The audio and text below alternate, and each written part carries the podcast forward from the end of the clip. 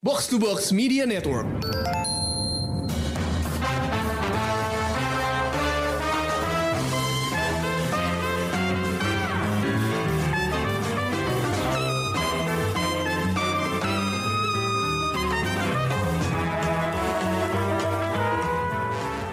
Hai Barbie, Hi Ken, Hi Showbox. Dari greeting yang barusan gue ucapin, tahu dong kita mau ngebahas film apa? Summer movies yang lagi dibicarain banyak orang, yang distradarain dan ditulis oleh Greta Gerwig, yang juga nulis bareng pasangan hidupnya Noah Baumbach, yang juga merupakan satu bagian dari fenomena Barbenheimer. Kita bakal ngomongin Barbie. Film ini tuh lumayan absurd ya buat gue. Waktu gue keluar dari bioskop, gue sempat mikir, what the hell did I just watch? Kayak nggak percaya aja gitu, itu film bisa works well dengan segala macam adegan dan dialog yang subversif gitu.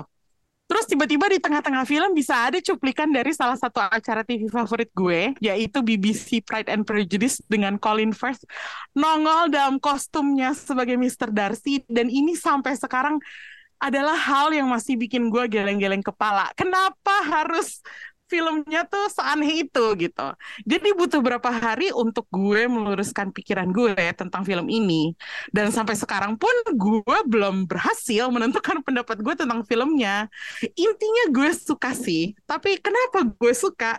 Gue juga nggak tahu sepertinya gue baru aja nonton film gila yang harusnya nggak works, tapi nyatanya works juga gitu. Makanya yuk kita langsung aja deh ngobrolin tentang Barbie bareng Krisna, Rengga, dan Priska yang gue harap bisa ngebantuin gue meluruskan pikiran gue tentang Barbie ini.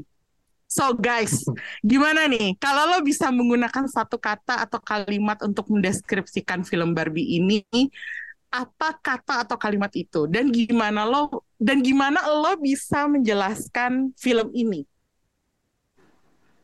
Ayo. Duan, duan, duan, Pertanyaan duan, gue- duan, duan. Pertanyaan gue terlalu berat ya. buat gua ini filmnya seru tapi ngeblur. Oh, bener sih. Kayak gue juga blur. Blur. Kayak kalau kalau misalnya mau have fun aja ngelihat eh, apa namanya seneng-senengnya, lucu-lucunya itu menyenangkan. Cuman kalau dipikirin terlalu lama jadi blur. Bener sih, itu bener sih. Kayak mempersiapkan talking points buat podcast ini itu challenging banget buat gue karena gue harus tiba-tiba masukin eh, pemikiran-pemikiran yang kayaknya kok jadi funnya hilang gitu dari Mm-mm. Barbie gitu. Gue nggak tahu ya apakah lo merasakan ini juga atau enggak, tapi maka itu gue masih agak bingung nih nentuin perasaan gue tentang film Barbie ini gitu. Jadi gue setuju sih sama kata Priska bahwa film ini blur. Kalau apa ya? Kalau menurut gua sih eh, mencoba menyampaikan sesuatu tapi dengan cara absurd. Wah, absurd sih bener sih. Itu Iya. kata-kata yang harus gue keluarin dalam membahas film ini. Absurd gitu. Kayak, Mm-mm. apa sih gitu loh. Lo juga menganggap film ini absurd dong, Chris, berarti? Iya, lumayan. Walaupun gua sa- terhibur, gua suka, gua bisa dibilang ya cenderung suka sih. Ya mungkin kayak apa sih Rengga menggambarkan Oppenheimer gitu ya. Suka tapi titik-titik ya. Itu mungkin gua terhadap film ini kayak gitu sih. Oh, suka tapi titik-titik ya. Iya. Itu jadi istilah baru kita di Showbox kayaknya. Setelah kita membahas Oppenheimer. Dan nggak nggak apa-apa juga, karena Barbenheimer tuh udah jadi satu fenomena gitu. Jadi nggak apa-apa Iya. kita pakai lagi untuk film ini. Em, kalau lo gimana, Reng? Apa ya? Membingungkan film. Jadi satu kata aja, membingungkan gitu. Membingungkan. Barbenheimer. Membingungkan. gue lebih lebih ini sih daripada si filmnya sebenarnya gue lebih pengen meng apa ya sangat mengapresiasi marketingnya sebenarnya Oh iya iya, nanti kita bahas itu Iya. juga ya. Iya, ha, ha. Itu. Tapi kalau nggak bahas filmnya kayak ya itu balik lagi sebenarnya. Itu sudah sudah menggambarkan seperti tadi Priska bilang filmnya ngeblur gitu. Krista bilangnya filmnya absurd. ya akhirnya gue menyimpulkan filmnya membingungkan memang buat gue Kalau gue karena gue juga gue keluar dari bioskop terus kayak gue tadi nonton apa sih gitu Iya, kan? benar. sama kayak gue kan berarti Hmm. kayak what the hell gitu loh. how am I supposed to feel gitu keluar dari situ Iya, terus kalau gue gue justru memilih eh, sebuah eh, kata atau kalimat yang sepertinya lebih berhubungan ke marketingnya daripada filmnya gitu. Itu? Gue me- Oh. gue Mm-mm. gue memilih mendeskripsikan film ini sebagai film komersial non plastik. Jadi Oh, film oke, ini oke. seakan-akan dibikin untuk jualan produk ya. Tapi dari semua film berdasarkan toys yang pernah gue lihat, eh, contohnya Transformers gitu. Film ini punya suara yang lebih jujur dan pesan-pesannya lebih berbobot dari film-film sejenis lainnya. Tapi nggak menutup faktor komersialisme atau kapitalisme dari produknya, yaitu boneka Barbie dari Mattel. Eh, tapi setidaknya sebagai bentuk karya seni, ini tuh bukan sekedar jualan mainan doang gitu. Meskipun Iya. faktor itunya tuh ada gitu. Iya. Kayak apa ya? Hmm. Ya itu ka- kalau Rengga bilang tadi lebih menarik melihat sisi marketingnya, iya juga sih karena kok marketingnya heboh banget gitu. betul Eh, ini tuh kayak apa ya jualan terselubung gitu Iya, jualan yang nggak jualan ya nggak sih? betul betul betul betul kayak Eh, kayak soft sell, menyasar soft selling betul Soft Persis. selling tapi at the same time kayak nih produk gue beli ya. Iya betul Padahal ya kalau menurut intel dari Priska yang eh, sedikit ada hubungannya dengan waduh dengan dengan Ba- dengan Mattel dengan dengan Barbie eh ini apa ya eh license-nya tuh bukan eksklusif ya nggak sih Pris? Iya, jadi sebenarnya kalau misalnya sebagai brand owner atau business owner, eh, kita siapa aja bisa apply. Beda sama mungkin eh, perusahaan-perusahaan lain yang punya IP banyak atau besar eh, koleksinya atau katalognya. Biasanya brand-brand itu eh, dipilih. Kalau kalau ini eh, dari awal mereka boleh eh, apa namanya register gitu. Jadi kayak makanya semuanya eh, kalau misalnya lo sanggup eh, ngestok produknya lo boleh gitu. Wah, Oh. itu ini cara marketingnya agak beda ya Hmm. sepertinya si Mattel nih. Makanya nanti nanti kita bakal ngebahas juga eh, tentang Mattelnya. Yang kebetulan kita di sini punya dua orang yang eh, berhubungan dengan satu brand dan satu lagi bekerja di toys company, ya nggak sih?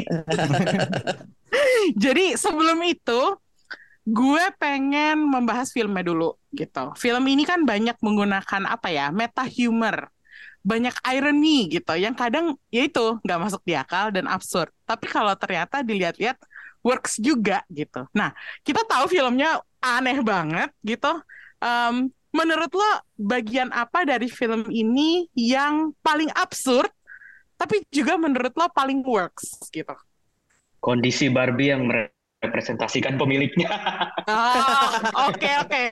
Bisa Ya, dijelasin nggak, Chris? Eh ya itu absurd kan. Maksudnya tiba-tiba kondisi apa kalau digambarin si Barbie-nya si apa ya si Margot Robbie itu apa ya, ste- stereotypical Barbie, kan ya. yang tiba-tiba kakinya bisa menapak lurus apa segala macam. Terus itu ternyata ada hubungannya sama pemiliknya. Terus kalau dipikir-pikir iya dia kan entitas mainan juga gitu kan. Jadi menurut gue ya works juga make sense juga gitu walaupun aneh banget Hmm, terus gimana eh, koneksinya gitu tapi kalau pikir-pikir ya iya kan dia ada ownernya gitu kan ada pemiliknya terserah pemilik yang mau mainin Barbie-nya kayak apa dan Barbie-nya mau dijadiin eh, apa ya kan biasanya anak kecil mainin Barbie kan kayak role play gitu kan Iya, nah, ya- betul. nah itu makanya ya aneh tapi works juga sih bener emang itu konsepnya Barbie gitu kan Ah, itu oke sih oke. menurut gue Mm-mm. Oke. Itu jawaban yang bagus sih. Oke, kalau Priska gimana? Yang paling absurd tapi paling eh, gue appreciate adalah ada satu bagian di mana eh, ada se- sekelompok kalau bisa dibilang discarded ya atau discontinued toys atau discontinued Oh, uh, Barbies-nya Mhm. itu tuh mereka tuh masih punya consciousness Barbie Land-nya sendiri gitu loh. Jadi Hmm. eh, apa namanya ketika ceritanya si Ken eh, Beach Ken-nya itu membawa eh, konsep patriarki ke Barbie Land, mereka tuh masih jadi si si discontinued toys atau discontinued Barbie ini nih masih punya eh, apa ya kesadaran bahwa Barbie Land tuh nggak kayak si Ken Land yang dibuat sama Ken ini gitu. Jadi Kendom. dengan kayak ya Kendom. Jadi dengan eh, eh, jadi kayak apa sih kayak eh, di mana semua Barbie yang bentuknya perempuan itu eh, merasa kayak oh mereka harus melayani laki-laki apa segala macam si discontinued Barbies-nya malah kayak enggak loh ini loh eh, apa namanya eh, Barbie Land tuh sebenarnya kayak gini malah justru discontinued toys yang bisa dibilang menyelamatkan eh, apa namanya konsep yang udah dibawa di can candomnya Iya. ini gitu. Hmm, ya ya ya ya gitu. Which is kayak sih. Iya itu gambaran kalau- karena mereka ini kali ya koneksinya ke dunia nyata tuh udah terlepas gitu kan udah nggak ada Oh, karena mereka betul. udah ini makanya Bisa. mereka jadi kayak punya semacam free will gitu kan ya Wah. ya, ya. So deep Asli. ya. Gue nggak kepikiran loh. Betul. Soalnya Deep. biasa, biasanya tuh kayak underdogs gitu kan harus ada leadernya, sedangkan ini nih bukan nggak harus ada satu tokoh leader yang gimana gitu, cuman mereka sendiri tuh yang save the day gitu. Jadi biasanya Mm-mm. tuh yang kayak ada group of underdogs yang kayak oh harus di harus di apa ya harus dikasih eh, apa namanya eh, kayak semacam sogokan untuk kayak ayo kita bisa kita bisa. Sedangkan mereka sendiri tuh yang kayak saya gini ya. Nah, gitu loh. Jadi mereka tuh yang yang kayak bisa bisa mengembalikan spirit itu gitu. Intinya discontinued toys adalah menggambarkan kayak justru mereka yang nunjukin bahwa nih Barbilan tuh harusnya nggak kayak Kingdom. Iya. iya betul Barbilan itu. tuh punya konsep sendiri gitu. Dan Iya. kita pengen balikin konsep itu gitu. Itu asli gue gak kepikiran. Asli gue gak kepikiran. apalagi karena discontinued Barbie-nya yang aneh-aneh banget ya jadi kayak leadernya aja weird Barbie kan iya eh, jadi kayak emang Ih, tapi emang- Chris itu discontinued Barbie ada yang lebih aneh lagi loh. Itu yang si Oh, Sugar iya. Daddy Ken itu gue gak... Iya, iya. Sugar Daddy Ken. Terus ternyata ternyata dia punya eh, mainan anjing terus yang namanya apa? sugar Sugar terus dia namanya jadinya sugar Oh, iya. Astaga. Parah banget. Oke oke, sekarang eh, Rengga apa bagian paling absurd yang menurut lo eh, works? Jadi ah, apa ya? Keberadaan Barbie Land sendiri tuh udah menurut gua aneh banget sih. Oh. Tapi ini absurd dalam arti lo bisa mengapresiasi atau lo justru kayak eh gitu. Justru justru daya tariknya kan di situ kan. Oh, Barbie oke. itu kan. Dan dan itu yang membuat film ini apa ya? Works gitu kan. Mhm. Kayak keberadaan Barbie Land itu kayak semua orang tahu gitu. Ada Barbie Land gitu. Ah, kayak kayak kayak kayak kayak apa ya? Kayak eh state sendiri di Amerika aja gitu sampai FBI kayak ada Oh, iya. Barbie tuh gitu. Iya iya iya. Barbie-nya lepas Barbie lu lepas tolong diurus gitu. Kayak aneh kayak banget. udah kayak udah tahu step ininya mitigasinya mesti ngapain gitu tahu. Iya bener itu. Kayak waduh kejadian tahun ini kejadian lagi kayak berarti kan itu kan di- diakui ada ada sebuah Barbie Land gitu loh di situ gitu dan semua orang tahu itu ada Barbie Land di situ tuh gitu terus dan dan dan mereka ada ada jalan aja ke situ Iya. nggak nggak lewat portal ajaib Nah, atau iya apa itu gitu juga. lewat ini lu naik perahu aja. habis itu lewat sini lewat sini kayak gitu. udah ada jalurnya Ada gitu tuh. ya. Bisa Iya, udah ada nyampe. jalurnya. Udah ada jalur ya sampai ke eh, ini Venice, Venice Beach, Beach, gitu iya, oh iya. lo di Venice Beach aja pokoknya itu absurd banget Ya, sih. itu aneh banget tapi ternyata itu ya bekerja justru gitu Hmm. justru daya tariknya film itu di situ gitu Land itu dan emang jadi sentral sentralnya di situ kan ceritanya kan. Oh, oke oke. Iya sih. Kalau kalau versi gue yang absurd tapi works itu nggak se nggak sebagus yang lainnya mungkin ya. Tapi kalau buat gue itu ada satu hal yang apa ya? eh performance musikalnya Ryan Gosling nyanyi I'm Just Ken itu tuh kayak buat gue Itu lagu bagus Sesuatu. banget. Itu lagunya catchy ya. enak. Iya, itu lagu catchy banget. sebenarnya gue oke lagunya catchy tapi kayak gue mikir waktu gue nonton gue mikir apa sih kenapa tiba-tiba jadi musikal gitu tapi setelah gue pikir-pikir ulang itu satu-satunya bagian di film ini di mana gue sempat menitikkan air mata ngelihat dia tuh kasihan banget disia-siain sama Barbie akhirnya jadi nyebelin mau merangkul patriarki gitu. Hmm. kayak gue di adegan itu gue bahkan nggak bisa bilang dia salah gitu. Karena kan dia selama ini jadi pihak yang tertindas ya. Terus jadi m- apa ya oke lagunya catchy tapi kalau dipikir-pikir adegannya tuh kayak nggak masuk di akal banget.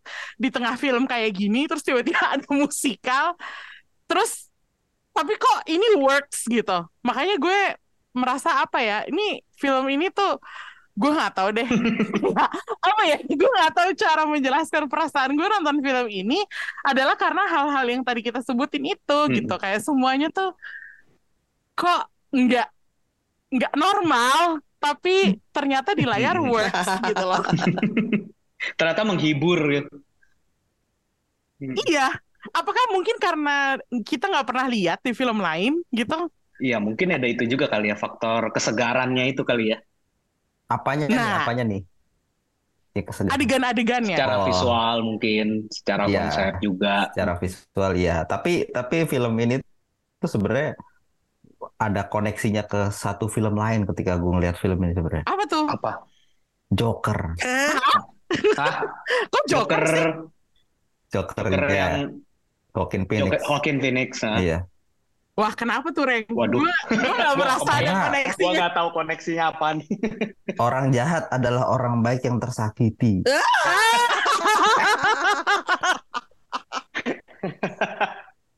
ini itu banyak. jadi jadi jadi vi- apa eh, origin villainnya Ken kan? oh, oh. Dia disakiti terus sama Barbie, akhirnya dia jadi jahat kan.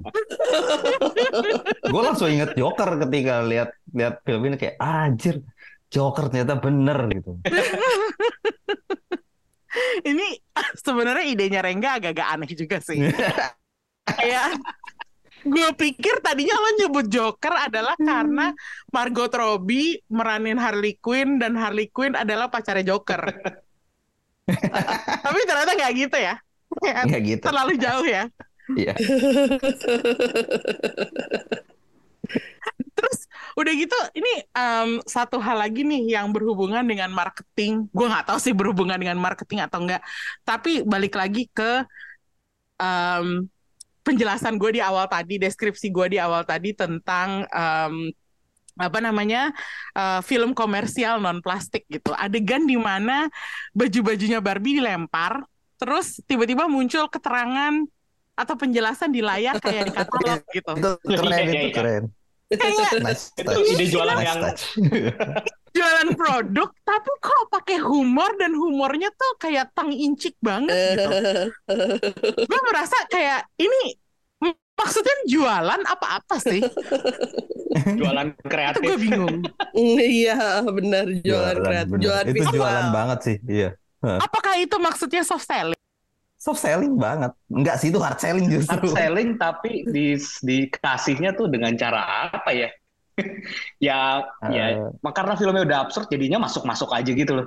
Iya, Iya, benar. betul, betul, Tapi itu betul, betul, tuh, betul, tapi betul. baju-baju yang dilempar terus dikasih apa? Perangan. Apa sih dikasih nama itu yang Paisley Palazzo Pants gitu yang kayak gitu-gitu Hmm. tuh, itu tuh eh, balik ke eh, bahwa si cerita Barbie itu kan historinya udah ini apa ya si si boneka ini kan sekarang udah 64 tahun ya. Jadi 64 tahun sejarahnya mereka tuh harus kayak dimasukin gitu loh. Jadi menurut gua tuh Mattel pengen banget kayak sebisa mungkin lo pakai semua yang ada di katalog gue Hmm. gitu. Karena belum tentu Ah. ini bakal jadi apa ya something yang kayak Toy Story yang bersequel dan Ya. uh, punya punya prequel punya seri lah gitu secara film ya Jadi Ah. apa pun yang menurut gue ya, apa pun yang Mattel punya, kalau bisa lo pakai, kalau bisa lo namain, kalau bisa lo kasih tahu dari tahun berapa. Makanya kayak hal-hal kayak uh, boneka Skipper, boneka Mitch, yang sebenarnya juga udah di, di discontinued dan si discontinued toysnya sendiri dinamain satu-satu.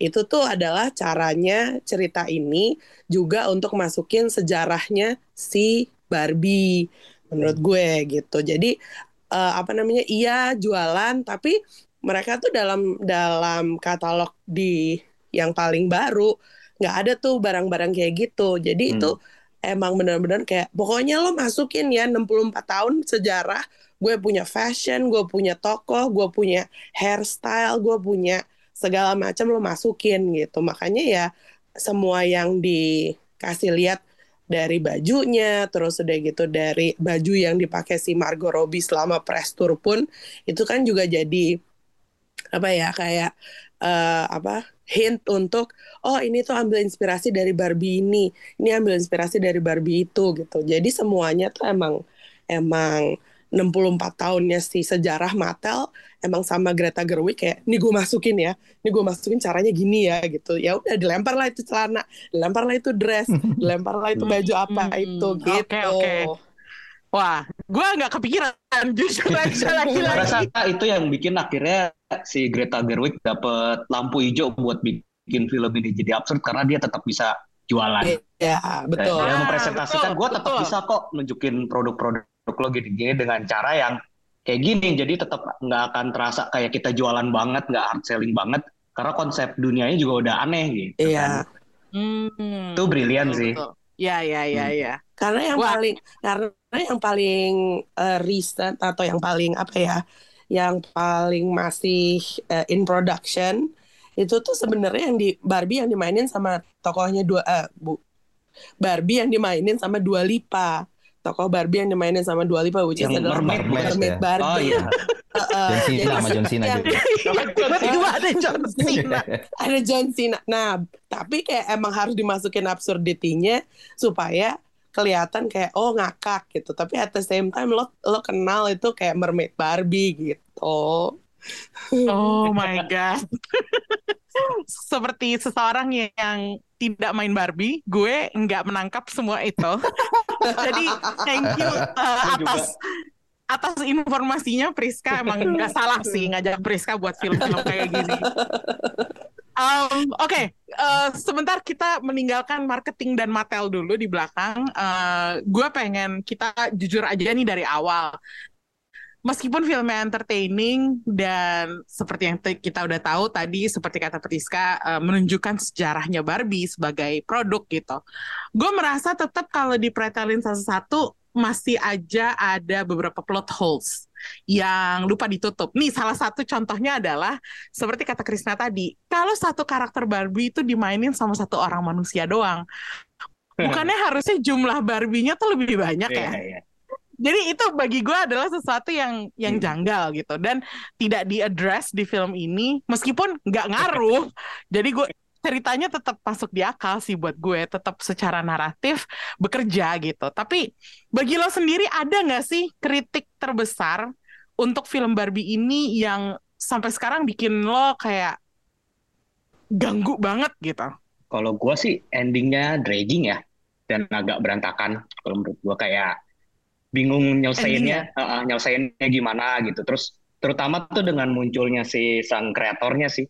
Kalau menurut gue siapa sih namanya gue Si hantu itu, Ruth Handler. si Ruth Handler, Ruth ya Handler. kayak ya kayak apa ya eh, akhirnya kan di sini kan padahal ditunjukin kalau si Barbie akhirnya eh, punya free will gitu kan terus dia eh, punya tujuan lah yang di luar role yang udah ditetapkan untuk dia gitu kan tapi dia masih butuh kayak bimbingan si Ruth itu kan kayak lu mesti ngapain gini gini itu menurut gua agak kontradiktif aja sih sama yang semua yang udah dilewati sama si Barbie-nya sendiri Oh, ya itu make sense sih.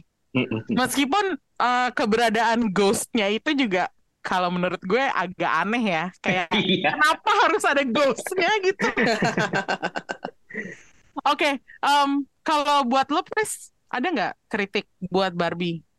Yang bagian Mattel sih, kayak si Will Ferrell dan antek-antek uh, apa boardroom directors bersama uh, Will Ferrell itu tuh kayak jadi dia sebenarnya mau apa ya gitu sampai dia juga harus masuk ke Barbie Land terus udah gitu tiba-tiba dia cuman bilang iya gue mau semuanya adalah kayak memang seperti ini seperti apa ya say kayak hah? Aku setuju. paham Bapak mau apa? Maaf. Jadi gue kayak jadi bagian ma- jadi bagi Mattel itu sebenarnya marah. Mattel itu sebenarnya nggak suka atau apa ya gitu. Jadi terus tiba-tiba kayak udah gitu selesai. Mereka happy aja terus ya apakah balik? Kayaknya balik ya cuma nggak diliatin balik tuh. Terus mereka tinggal di Barbie Land sama gimana? Iya sih, itu janggal banget. Iya. Iya, jadi bahkan kayak akhirnya gitu, oh oke mungkin kalau misalnya kalau gue inget karena saking ngeblurnya kali ya gue juga, oh mungkin mereka nggak mereka nggak balik dari Barbie Land, mungkin nanti si stereotypical Barbie ini akan jadi CEO, eh bukan, eh gimana ya itu tadi si Mattel ceritanya, Kalau kalau gue ngeliatnya ini mereka jadi terakhir tuh jadi beneran kayak evil korporat yang cuma ngambil untung kayak pas ngelihat eh, dunia Barbie Land yang baru gitu kan, ah kayaknya ini bisa dijual sebagai konsep Barbie baru nih, lebih Iya. relevan ke zaman sekarang nih. Oke, Oh. ya udah, emang kita pengen kayak gini, makanya dia bilang kayak gitu gitu kan. Intinya Uh, uh, balik lagi sih kayak kom apa ya korporat gitu. Hmm. Semuanya sebagai bisnis. Nggak tahu sih. Iya iya, iya, dia tuh Tapi kayak eh, niatnya itu eh, kalau menurut gue oke dia mewakili sisi korporat, sisi Hmm. Tapi seperti kata Priska, gue juga sebenarnya agak nggak kayak Iya apa sih. ya? Ini kok all over the place aja gitu. Ini Hmm. orang Iya. nggak jelas maunya apa gitu. Iya kan kayak tadi Iya. seperti Priska bilang, bapak maunya apa sih sebenarnya? Membingungkan kan? iya bingung kan. Iya, ada membingungkan. satu ada satu kayak interaksi antara tokohnya America Flo- Ferrera si Gloria sama si Will Ferrell kan gitu. Terus kayaknya si Gloria tuh kasih suggestion, oh Barbie-nya kayak gini. Terus udah gitu si Will Ferrell-nya, but that's a, you know that's that's not gonna work. Apalah terus tiba-tiba salah satu anteknya bilang, oh it's going to make a lot of money. Terus yang kayak oke approve. Terus kayak loh tadi lu jadi lu sebenarnya jahat, lu pendukung, lu fan, lu stan atau apa sih gitu loh. Jadi Iya, kayak iya. bagian itunya aneh aja sih. Iya, iya, gue Ya, setuju ini- sih. Bos yang nggak punya sikap, ya ya aja. Iya iya. Oke, em, Rengga, gimana Reng? Gue ini sih mau nambahin apa pendapat Priska tadi. Gue juga itu sangat mengganggu sih soalnya kayak apa ya? Ini jadi jadi kayak gue ngeliatnya pas nonton tuh kayak kayak ada ada apa ya? Ada tiga dunia gitu loh. Iya, Barbie betul. Land, Real World, sama kantor Mattel. Mattel. Iya kan? Kantor Mattel tuh kayak kayak kartun banget gitu Iya. loh. Ya kayak iya, dunia iya. sendiri lagi, bener sih dunia sendiri lagi. Iya, kayak dunia sendiri. Iya. Apalagi pas bagian kejar-kejaran itu kan kayak Oh kartun my banget God, kan. iya. Iya, iya, iya. Betul banget sumpah. Betul ya? Bener. Heeh. Iya, terus kayak interaksi antara ininya tuh kayak beneran beneran aneh banget gitu kayak gue jadi kayak ini maksudnya apa sih gue gue sampai sekarang juga bingung kayak ini maksudnya apa sih nih si orang Mattel ya ini apa mereka tuh ya stance-nya tuh di mana gitu nggak jelas banget gitu kan. Iya. Terus fungsi Hmm. mereka datang ke Barbie Land tuh apa gitu. Mau ngapain gitu. Iya kan Barbie-nya udah balik aneh sendiri ya. Mereka kan Iya, tadinya mau tangkap heeh. si Barbie, tapi Barbie-nya udah balik sendiri, terus mereka kenapa jadi harus ke Barbie Land juga gitu? Betul, iya mana nyampainya lama banget lagi. Beda tandemnya panjang banget jadinya kan. Semuanya satu sepeda ya bener. Harusnya kan lebih cepet ya, rame-rame. Kontrolnya lebih ribet, Reng.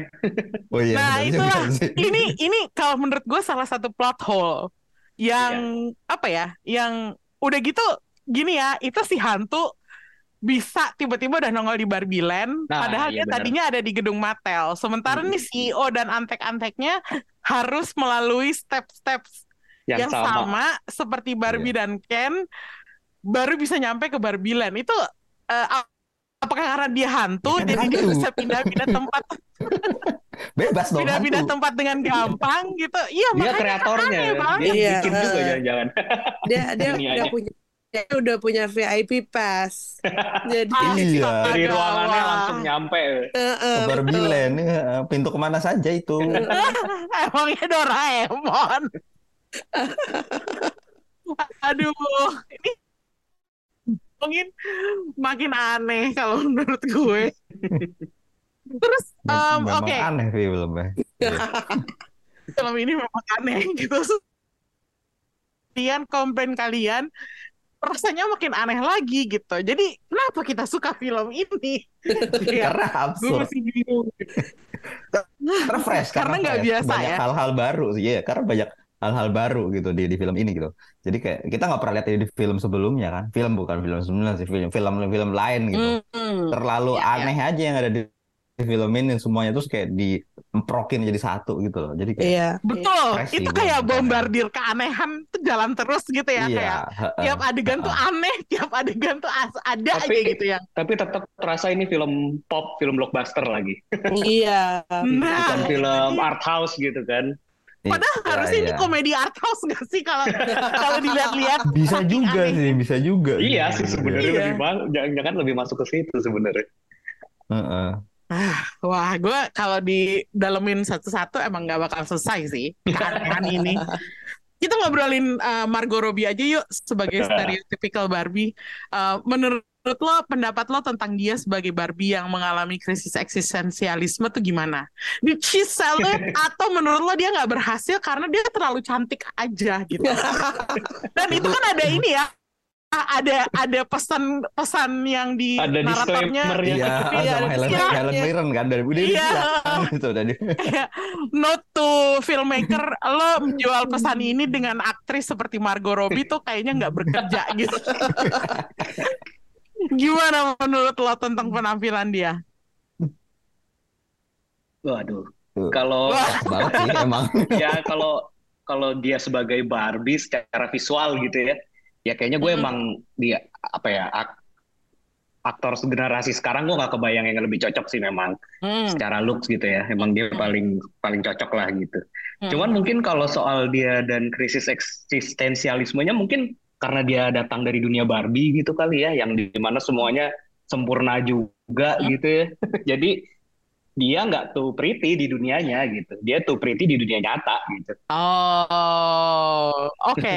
Gue tunggu tunggu. Gue gue coba mencerna kata-kata lo dulu ya, Chris. Um, kalau gitu gue pengen denger pendapat yang lain dulu deh. Se- Selagi gue mencerna kata-katanya Krisna ya. Tapi me- apa ya kayak krisis eksisten ek- apa existential krisisnya dia itu tanpa mengurangi hormat kepada siapa pun adalah semacam existential crisis eh, orang-orang yang eh, mengalami hal tersebut di sosial media yang yang memperlihatkan eh, kesedihan dan ya gitu kayak mutungnya terus udah gitu kayak eh, sadnessnya depressionnya itu tapi di depan kamera gitu loh. Jadi is it really a crisis of existentialism kalau lo ngasih lihatnya di depan orang gitu? Jadi Hmm. bu- buat gua tuh paralelnya tuh ada di situ karena sebagai orang yang memantau sosial media gue tuh selalu mikir kenapa sih orang-orang kayak harus memperlihatkan oh ini apa namanya gue lagi down ini gue lagi Mm-mm. ini. Cuman terus udah gitu this the same thing is what Greta Gerwig is doing is that tapi lewat Margot Robbie gitu. Jadi eh, betul kata Krisna tadi. Jadi kayak eh, apa namanya dia eh, datang dari dunia yang udah di kepalanya dia udah sempurna da, tapi dia mengalami ini kayak ya intinya nobody's perfect aja sih gitu. Even a toy doll seperti uh, stereotypical Barbie gitu, yang dimainin sama Margot Robbie ya mungkin itunya anehnya adalah lebih di situ. Again aneh lagi gitu kan. Hmm, oke, gue masih belum paham sih. Jadi, menurut lo ke existen existentialism-nya si Barbie yang di film ini itu bukan sesuatu hal yang real, yang a real emotion. Menurut lo gitu? kalau mau lihat Barbie in an existential crisis dan yang lagi kayak sedih dan depresi, lo nonton Legally Blonde setelah dia diputusin sama pacara di uh, scene awal. Itu kayak gitu tuh harusnya. Yang kayak Oh. ya udah mutung aja di kamar. Terus udah gitu kayak apa namanya sedih dan marah-marah sendiri sama yang lain gitu. Kayak bagi- bagian itunya menurut gua harusnya lebih kayak gitu untuk ngasih lihat real existential crisis gitu ya kayak ini kena apa kayak mempertanyakan kenapa gua melakukan hal ini kenapa gua melakukan hal itu gitu nah kayak gitunya tuh emang mungkin cuman diliatin uh, tip of the iceberg gitu loh jadi nggak nggak nggak terlalu dikasih lihat yang kayak Ah, Nah, lu sedih kayak Iya, lu iya. tuh sedih kayak gimana sih? Tapi kalau misalnya lo mau lihat Barbie itu going through something like that, lo nonton Legally Blonde setelah dia diputusin sama pacarnya hmm. yang di eh, yang di scene awal-awal gitu. Jadi di sini menurut lo Jadi- gambarannya cuma service doang ya? Betul. Jadi kayaknya itu juga poking fun sama kayak ya gitu cewek-cewek cantik tapi kayak oh lo eh, apa mendokumentasikan breakdown lo di depan kamera gitu. Jadi is it really an actual existential crisis gitu loh. Lo juga akan bertanya hal kayak gitu. Ini apakah apakah salah karena Margot Robbie yang mainin? Enggak, bukan gitu. Ya mungkin existential crisisnya real buat si orang itu. Cuman kita sebagai penonton kayak is it really though? Bener gak sih lo kayak lo mau di- masih bilang mau tapi lo cantik lo nggak usah nggak usah sedih gitu loh. Nah itu dia kenapa gue nanyakan apakah Margot Robbie is too pretty to sell this kind of story gitu. Karena kan kalau kita lihat ya, si Margot Robbie nih tampilan aslinya di kehidupan nyatanya kan she's also very blonde gitu. Iya. Kayak cewek-cewek yang ya yang muncul di Instagram lah intinya kayak gitu. Jadi gue merasa apakah si Margot Robbie ini bisa mengalahkan eh, apa ya personanya sendiri sebagai cewek cantik untuk menyampaikan pesan existentialism itu gitu. Itu yang sebenarnya pertanyaan gue tuh ke situ gitu. Iya. Nah, jawabannya kita belum tahu ya. Mikir semua. Iya. Kalau kalau pendapat lo orang gimana? Apakah dia terlalu cantik untuk meranin peran yang mempertanyakan eksistensinya dia gitu? Gue sebenarnya tadi mencerna ini sih omongannya Priska sih kayak oh iya ya oh iya ya gitu jadi kebetulan oh jadi si Barbie itu caper doang gitu ya Nah, gue nggak menyalahkan gitu kan. interpretasi itu. Gue nggak menyalahkan sama sekali interpretasi itu Hmm. bahwa Barbie itu cuma caper doang. Hmm. Tapi apakah dia caper karena emang caper atau karena dia dimainin sama Margot Robbie itu? Hmm, ya, ya. Itu. Coba jawab pertanyaan gue. ya ya ya ya wah anjir berat sekali ini pertanyaannya ya Eh, Ini bukan Oppenheimer loh. Ini Barbie loh. ini ini lebih berat dari Oppenheimer menurut gua lebih ya lebih banyak yang apa ya eh, subliminal gitu kan Betul. Iya, betul. betul, Tiap betul. tiap tiap orang interpretasinya masing-masing soalnya film ini. Dan ini bisa bakal dibahas bertahun-tahun kemudian ya Iya, betul. impact-nya. Hmm, Eh, Oke. Apa namanya? Jadi gimana? Lo mau jawab nggak? Ntar gue menyusun kata-kata dulu nih. Tapi gitu-gitu bagian itu gue sebenarnya jujur li nangis. kesian Oh, kesian gue juga kesian Iya. yang pas bagian Karena mana? kayak yang bagian dia kayak apa sih? Ya gitu yang kayak udah gue nggak mau ah, ngapa-ngapain aja gitu tiduran kayak aja dia ya. udah tiduran aja gitu terserah kaki gue mau flat gue punya mau, mau punya sel- selulit gitu. Udahlah gue gini aja. Sebe- jujur sebenarnya gue di bagian situ udah kayak lo kok ada ada air mata dari mataku? Kok tiba-tiba anget ini dari ya? mana? Apakah bagian ini apakah bagian ini me- me- apa, me- mencapai ke hatiku yang paling dalam dan dingin ini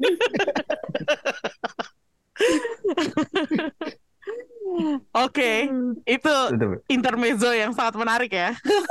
Tapi ini sih mungkin menurut gue ya maksudnya krisis eksistensialisme itu memang bisa terjadi ke siapa aja gitu ya maksudnya Iya, betul. eh, eh, maksudnya cantik itu kan di mata orang lain maksudnya belum tentu dia sendiri ngerasa dia tuh cantik gitu kan Eh, ada juga orang Hmm, ngerasa kayak hmm. gitu kan dan itu yang bisa bikin dia ngerasa drop kan ya orang mau bilang enggak lu cantik tapi kalau dia sendiri ngerasa enggak ya ya itu yang valid Iya. buat dia kan Hmm. sih mungkin Mm-mm. Betul.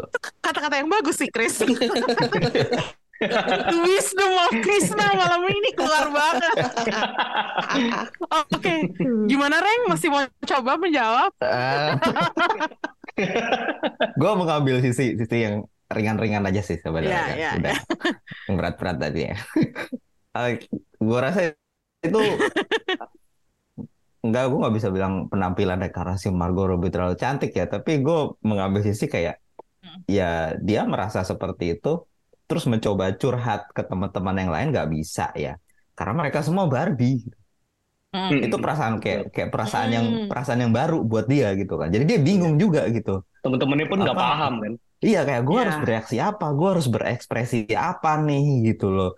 Mungkin itu juga kayak ekspresinya kayak nggak terlalu kelihatan ya.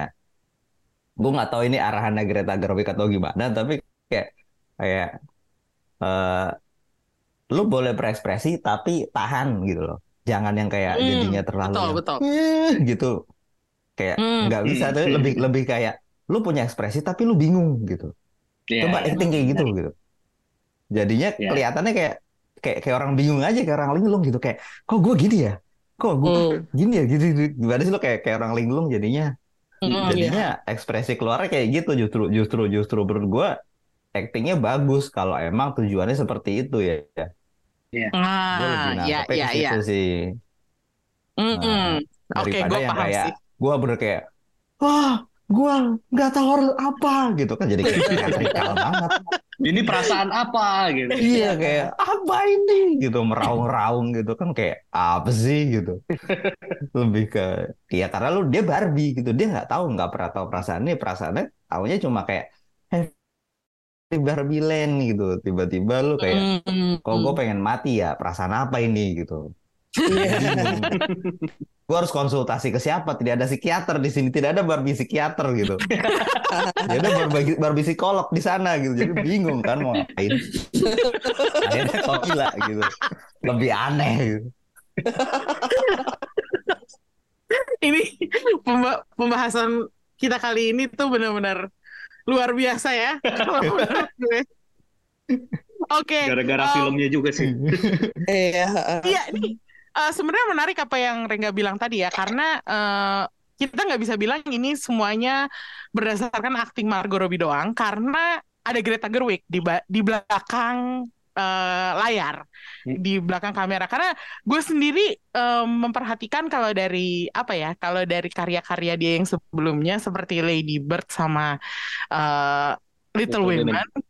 Gue merasa di sini Barbie-nya tuh seperti yang Rengga bilang tadi kayak tertahan gitu. Nggak terlalu eksplosif. Sementara karakter-karakter yang biasanya dia em, tampilin di dua film sebelumnya itu itu lebih keluar lebih eh, apa ya seperti semacam ekstrovert gitu. Sementara Barbie ini agak diredam gitu dan itu sepertinya sengaja karena pengen nampilin yaitu kebingungannya dia tadi, kelinglungannya itu tadi gitu. Jadi mungkin ini ada pengaruhnya juga bahwa si Greta nggak pengen apa ya kan dia film ini kan berusaha membalance antara eh, female and male perspektif sepertinya gitu. Ya. Jadi makanya dia juga nggak koar-koar gitu. Ngerti nggak sih? Iya. ya Hmm.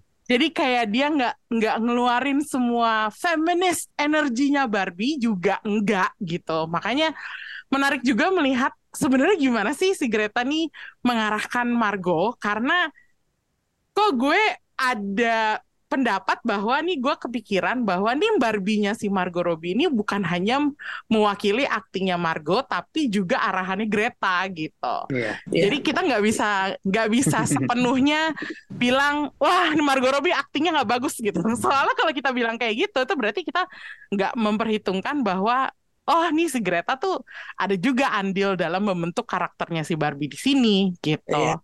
Ya itu pemikiran gue doang sih. Gue nggak tahu apakah benar apa enggak ya. Betul, betul, Tapi- betul. Tapi sepertinya kalau yang gue tangkap nih ada unsur si arahannya Greta juga sangat eh, berperan besar gitu. Ya gue gue nggak tahu ya gimana cara cari taunya, tapi interpretasiin aja sendiri apa pun boleh kok karena film ini udah saking liarnya. Jadi ya terserah lo mau mengartikannya gimana gitu. Oke, nih sekarang kita fokus ke si Ken ya. Eh, karena bagi gue Ryan Gosling di sini adalah show stealer. Entah gimana tuh dia keluar sebagai sosok yang apa ya bagi gue lebih gampang eh, mengundang simpati eh, dan dikasihani daripada si Barbie karena Ken tuh ternyata ekstra patetik, ekstra bodoh tapi perjalanannya juga lebih meaningful gitu. Dan sekarang gue berpikir kok nggak ada orang lain ya selain Ryan Gosling yang bisa mainin si Beach Ken ini. Nah, pendapat lo gimana tentang si Ken ini? Oh my God. Gue tuh tadinya waktu pertama kali ada satu gambar yang memperlihatkan Ryan Gosling akan memerankan Ken dalam film Barbie baru. Gue tuh langsung kayak, ya Allah kenapa ya manusia ini harus. Gue gak suka banget sama dia. Aduh gue tuh capek. Udah tiga film. eh tiga, dua dari tiga film yang dia main sama Emma Stone ya.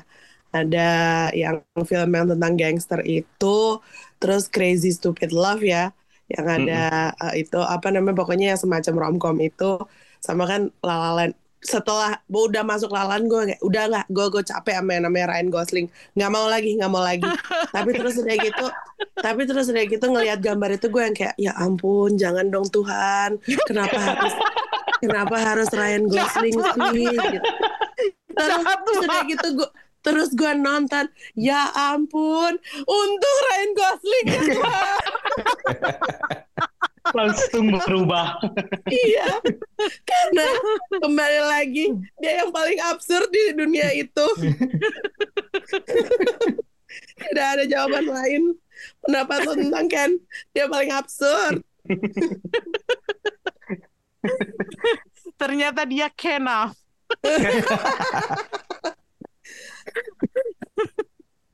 Oke. Kalau Friska dari tadi dari hater to lover ya. iya iya Berhasil men-switch itu. iya Nih para pria bagaimana anggapannya tentang Kalau kalau Ryan Gosling? kalau gue setuju sih, gue bisa melihat Ken ini terlihat sangat menyedihkan ya, jadi kesian gitu ya. Tapi gue justru lebih suka tuh gimana si Ken ini justru terlihat jadi kayak apa ya, makin goblok, makin bodoh, makin konyol gitu. Justru setelah dia memahami apa ya, mulai terpapar dengan maskulinitas, dengan patriarki gitu tuh, itu jadi makin goblok gitu. Itu jadi kayak apa ya, menurut gue kayak mau apa ya nunjukin kalau maskulinitas tuh emang beracun gitu dan Iya, itu iya, iya. bisa ditampilkan dengan akurat gitu menurut gua Menurut lo bagian yang nulis Ken itu adalah Greta atau Noah Bombach, Chris? Great. Eh, Greta lah ya kayaknya sih Jadi menurut lo Noah Bombach kayak nggak mau nunjukin betapa hmm, toxic juga masculinity gua rasa No Bombak juga inilah maksudnya dia tahu lah maskulinitas itu konyol Iya dia kan kalau nggak dia nggak akan bersama Greta Gerwig juga di dunia nyata kan Iya sih. Tapi Oh iya. gue setuju, gue setuju dengan pendapat lo yang bilang bahwa dia makin bodoh, tapi justru apa ya? eh karena makin bodohnya itu dia makin spesial gitu, ngerti nggak sih? Iya iya bener jadi makin kayak jadi lu makin ketawain tapi makin kesian juga gitu kayak lu makin geblek lu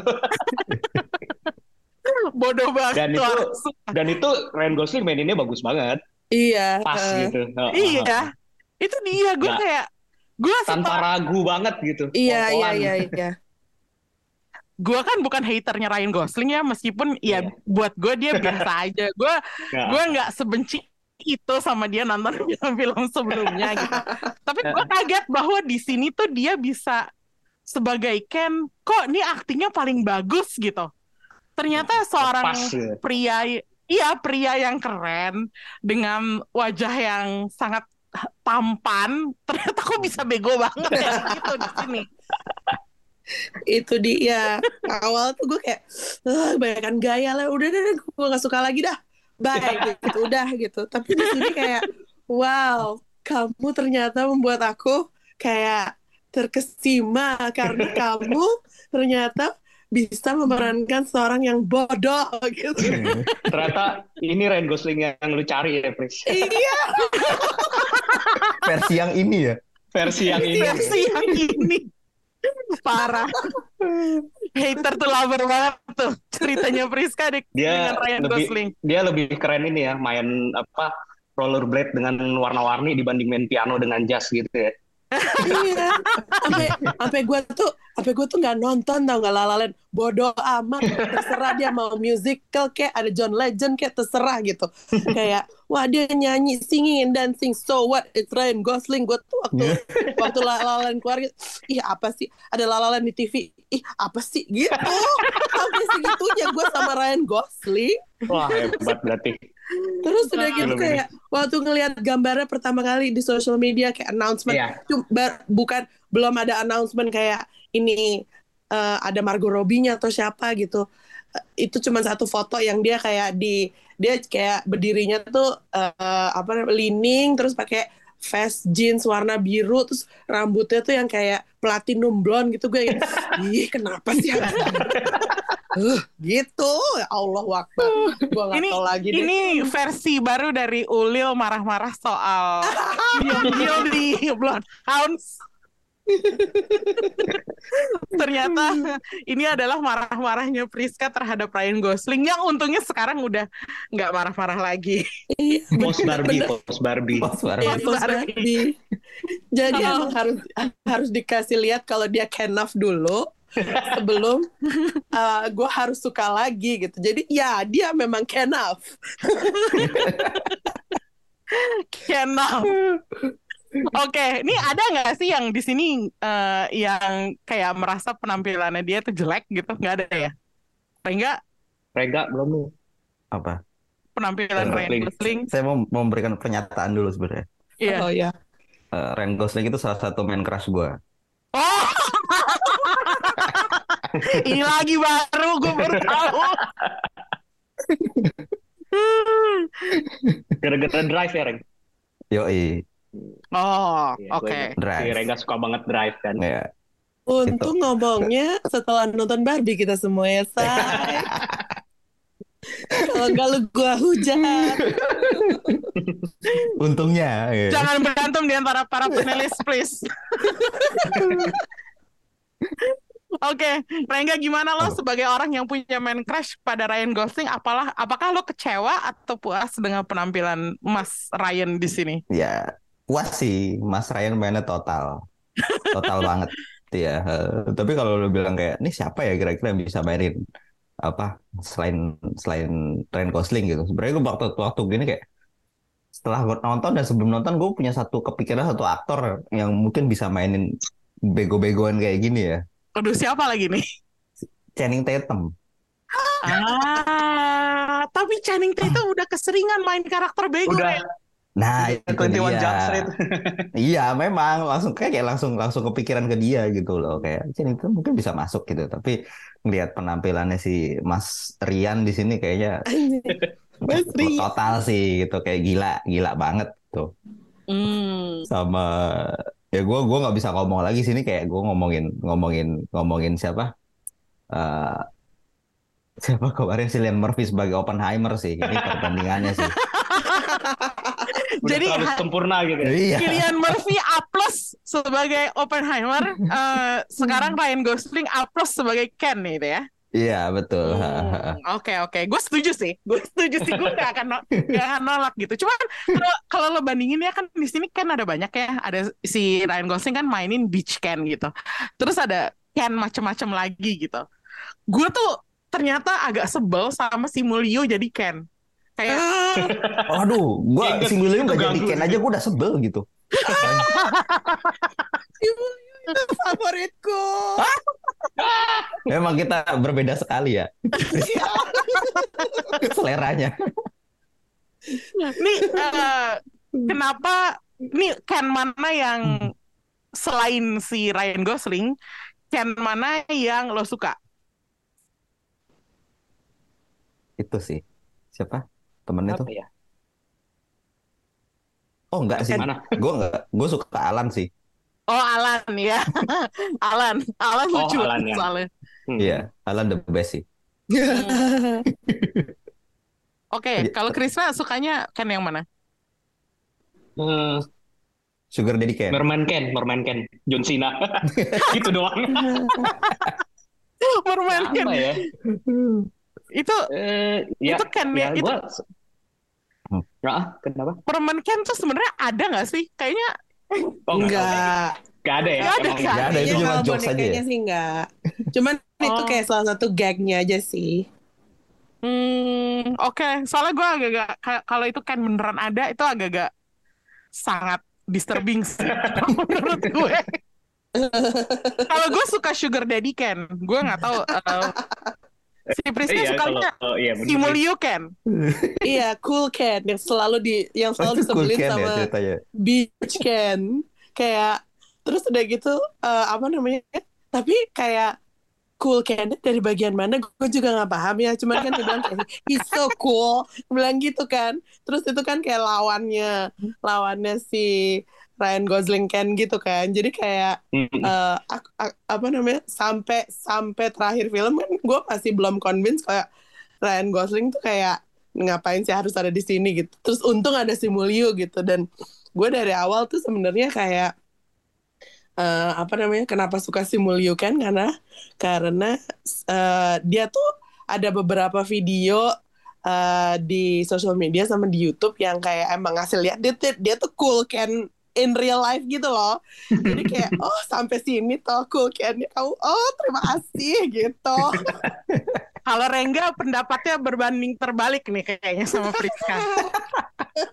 Kenapa lo nggak suka sama si Mulyo, eh, Reng? Gak tahu so ganteng aja sih Mulyo tuh. So ganteng. Berasa Kan ada- kegantengan aja dia kan, menurut kan gua mereka kayak. dua-duanya dari Kanada Nice. Kanada. Astaga, ini pembicaraan tuh mulai nggak jelas ya. Oke, nih sekarang kita udah ngebahas Ken Ken favorit kita. Nih gue pengen tahu karakter-karakter di film Barbie ini mana yang paling weird buat lo. Kita tadi udah nyebutin bahwa Will Ferrell itu sebagai CEO Mattel itu, aduh dia tuh weird banget ya, kayak maunya apa nggak jelas gitu. Hmm. Terus sikap dia juga meragukan kayak kok mau ya ini karakter di CEO Mattel digambarin kayak gini. Tapi ada lagi nggak karakter lain yang weird menurut lo yang Hmm. yang bahkan absurdannya keabsurdannya tuh nggak lucu tapi ju- just Hmm. weird gitu. Yang tadi gue udah sebut juga sih, Ruth Handler. Oh, Ruth Oh. Handler buat lo. Meskipun Iya. itu menggambarkan sejarah Barbie, Chris. Iya sih, cuman dia terlalu masuk terlalu jauh ke dalam cerita aja menurut gua. Yang di bagian ending itu.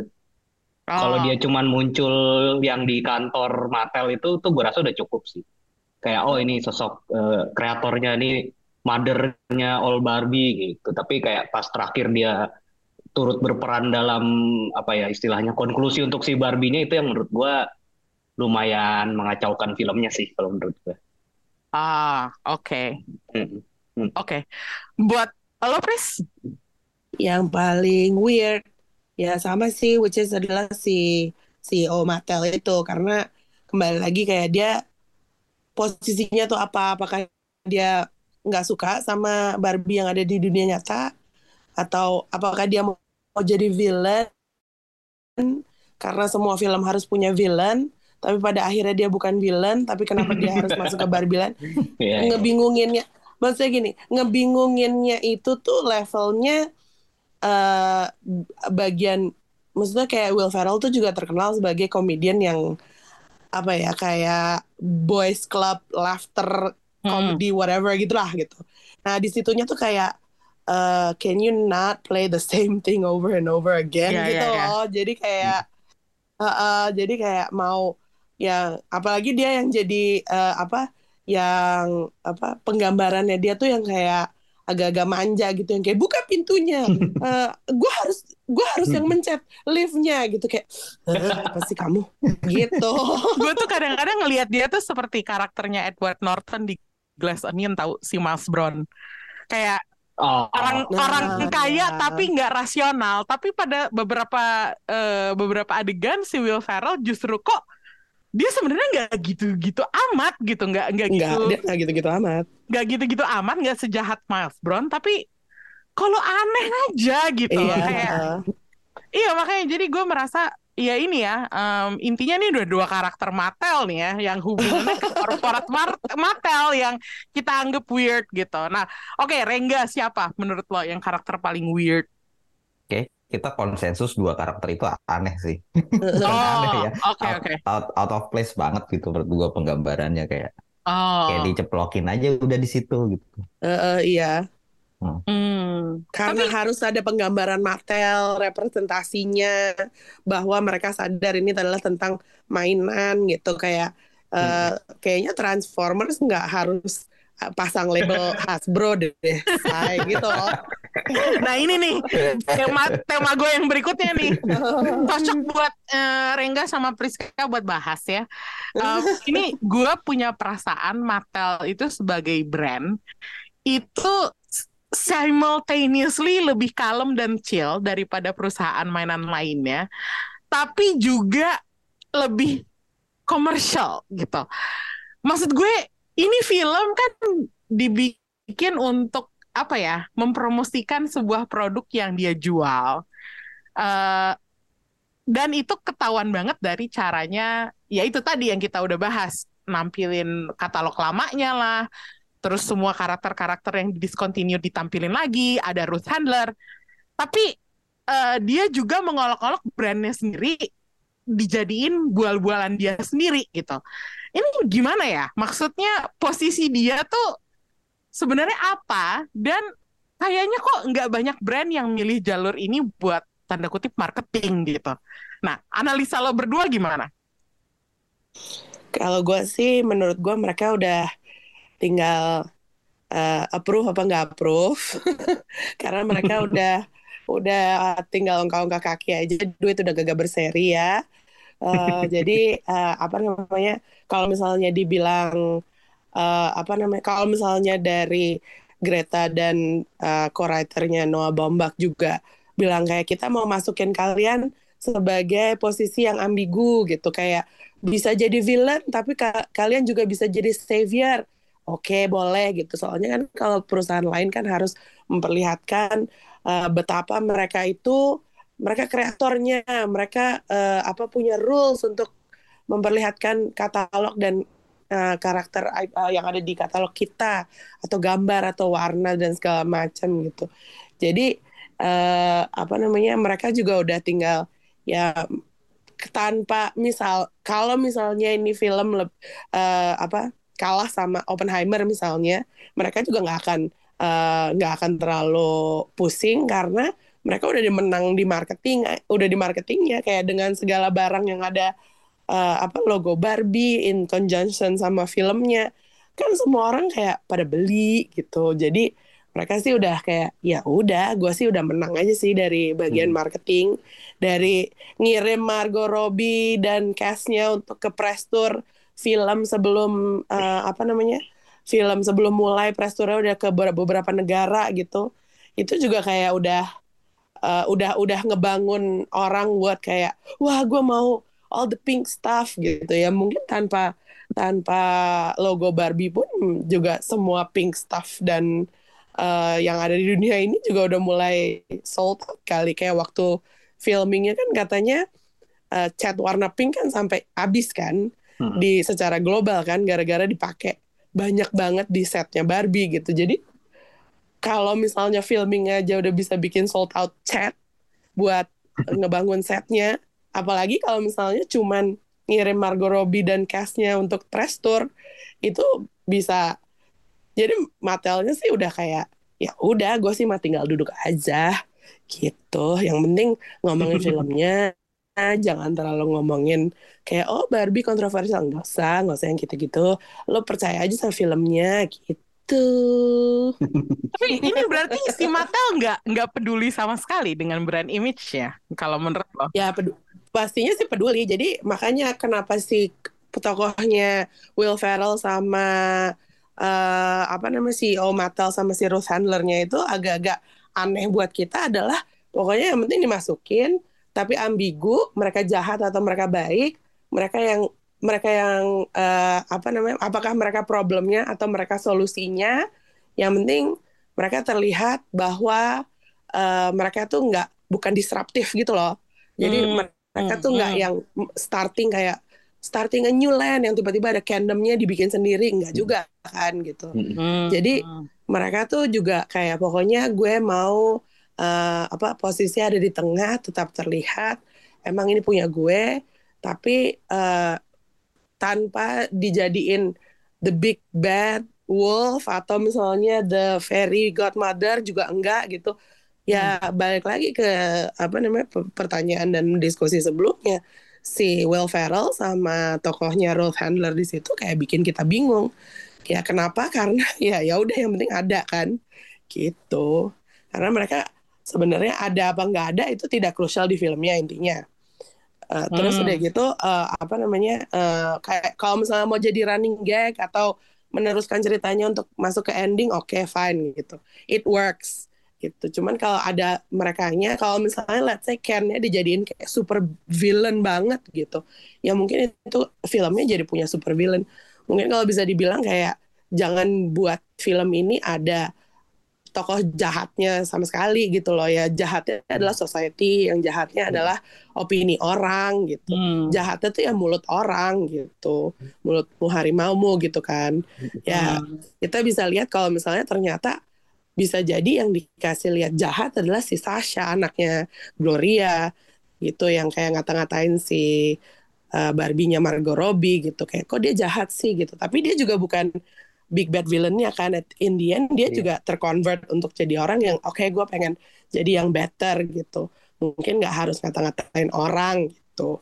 Sebenarnya itu sih kayak tapi ya untuk mereka kayak mereka diliatin dari angle yang gimana gitu mereka kayaknya sebenarnya fine fine aja karena mereka udah jauh menang waktu buzz film ini eh, berjalan gitu sebulan dua bulan tiga bulan sebelum film ini siapa sih yang nggak ngelihat eh, warna pink gitu di di ininya di di sosial medianya di kotanya gitu Hmm, oke. Berarti bagi Mattel, this is okay. Whatever depiction they show in the movie itu fine-fine aja karena mereka udah dapat duit dan udah dapat clout gitu ya. Iya Ya, betul kayak gitu. Kalau menurut gua sih justru dengan dia digambarin perusahaannya tuh kayak gitu gitu ya di kayak be- apa ya justru dia sangat mikirin image gitu dia tahu kalau korporat itu udah punya image jelek gitu kan di masyarakat umum kayak Hmm. kaku atau Hmm. rakus atau apa gitu justru mereka pengen nunjukin eh kita nyantai kok kita bisa dibecandain kok Iya santai aja betul kita bukan Oh. korporat kayak gitu justru menurut gue itu dia justru pengen ngebangun image yang lebih relevan kali ya ke zaman sekarang Iya Ah, I see. Oke. Oke, nih sekarang gue pengen mendengar analisa seseorang yang pernah kerja di perusahaan mainan. Waduh. Siapa tuh? Eh, siapa ya? Renggat tentunya. Eh, maksudnya lo kan pernah bener-bener masuk di sebuah perusahaan yang memproduksi mainan gitu. Gue nggak tahu perusahaan lo perusahaan Jepang, Reng. Gue tahu banget. Eh, dan mungkin culture-nya beda ya sama Mattel. Eh, ini gimana pendapat lo tentang perusahaan ini memanage film ini? Eh, sebenarnya apa ya? Hmm, tapi gue pengen ngomong dulu se- sebenarnya kayak kayak kayak kayak eh, pembuatan film ini bukan bukan tanpa masalah ya. Soalnya gue pernah menda- Hmm. mendapat berita bahwa CEO-nya Mattel itu eh, sampai terbang ke lokasi syuting. Mm. buat komplain. Oh, karena dia nggak mau ada satu adegan itu dipakai Oh, langsung ke oke. lokasi syuting tapi sampai di di lokasi syuting itu berhasil diyakinkan sama si Greta dan Margot sampai mereka bikin Oh. ini mereka acting di depan mereka untuk akhirnya eh, apa namanya adegan itu masuk gitu Hmm, dan itu nggak cuma satu itu ada beberapa bahkan hmm, Oh. jadi itu kayak kayak apa ya ya segitu powerful ya sebenarnya si Greta sama si Margot itu di film Mm-mm. ini hmm. sampai bahkan si Onya Matel sendiri akhirnya ya udah deh oke gitu. Tapi tapi mungkin emang ada beberapa koridor yang nggak bisa dilanggar ya. Mm-mm. sampai akhirnya akhirnya jadi ya udah lu akhirnya kita lihat bagaimana si si siapa ya? Si si Onya Matel ini gitu si Will Hmm. Ferrell itu jadinya posisinya gitu nanggung gitu mungkin ya Hmm. Hmm. jadi kayak yang penting ada tapi lu jangan jangan lu bolehlah bercandain gua tapi ada batasnya lah sampai segini Iya. aja gitu Iya. jangan jadi kelihatan jahat-jahat amat lah Iya. gitu Hmm, mungkin oke. jadinya seperti itu ya gitu. Jadinya kayak ya emang tapi kalau kita lihat dari segi apa ya Mattel as a toy company gitu. Mm-mm. Portfolio dia itu juga banyak mainan yang apa ya? Mainannya tuh fun gitu. Mm-mm. Nggak nggak yang nggak yang action serius gitu nggak gitu. Mm. Kayak dia tuh Bukan mainan yang tuh geeky gitu ya. Ah, mainnya tuh kayak Barbie, terus apa lagi ya? Uno, terus Hmm. apa lagi ya? He-Man, kalau tahu itu paling paling hardcore itu. Eh, Of the Universe. Iya, Master of the Universe itu yang paling paling hardcore. Terus apa lagi sih ya dia tuh Eh, Hot Wheels kayak gitu kan. Hmm. Beda sama taruhlah portfolio dari Hasbro gitu kan yang kayak wah mainan laki gitu kan. Bocah- boys gitu kan Transformer gitu terus apa lagi ya dia tuh Marvel Legend X-Men gitu superheroes gitu Mm-mm. yang kayak kayak susah nih bercandain Hasbro gitu. Jadi image-nya udah udah kayak gitu gitu kayak Mattel tuh kayak eh, apa Fun. perusahaan yang kayak fun gitu loh fun Hmm. fun fun fun gitu kalau Hasbro tuh kayak cool cool cool gitu. Oke. jadi mungkin dia kayak Tuh, menambah Iya menambah kayak kayak ya udah sekalian aja lah kita gitu. Lo bisa ini kok kita juga bisa di dibecandain nih as a company gitu. Dan kalau misalkan dan dan ditambahin bener kata Priska tadi kayak brand awareness itu udah menang banget lah. gitu. Iya. Hmm. Ya lo sekarang bahkan ada yang namanya color Pantone kalau yang tahu itu namanya Bar- Iya. ada yang namanya Barbie Pink gitu. Iya, betul. Hmm. Baru Ada namanya dikeluarin. sendiri gitu bahkan udah udah kayak gitu gitu. Jadi kayak ya gua udah menang lah udah ngapain gitu. Ah, jadi dia nggak nggak ini ya, karena eh, tadi sempet kan disebut satu judul film dari studio sebelah, yaitu Toy Story. Gue lupa tadi siapa yang sebut Priska kalau nggak salah. Eh, Disney itu kalau di mana pun image-nya harus rapih, Oh iya. harus Betul. di Betul. sangat protektif. Iya, Ya, di di sangat. taman bermain mereka, di Disneyland mereka, baik di Disneyland, di eh, di studio, di, bahkan sampai ke agensi yang nanganin mereka, itu tuh udah punya guideline gimana lo harus memperlakukan brand ini dengan segala hormat gitu. Intinya gitu gitu. Sementara kok di sini Mattel gue merhatiin kayak ya oke mereka udah menang, tapi apa ya?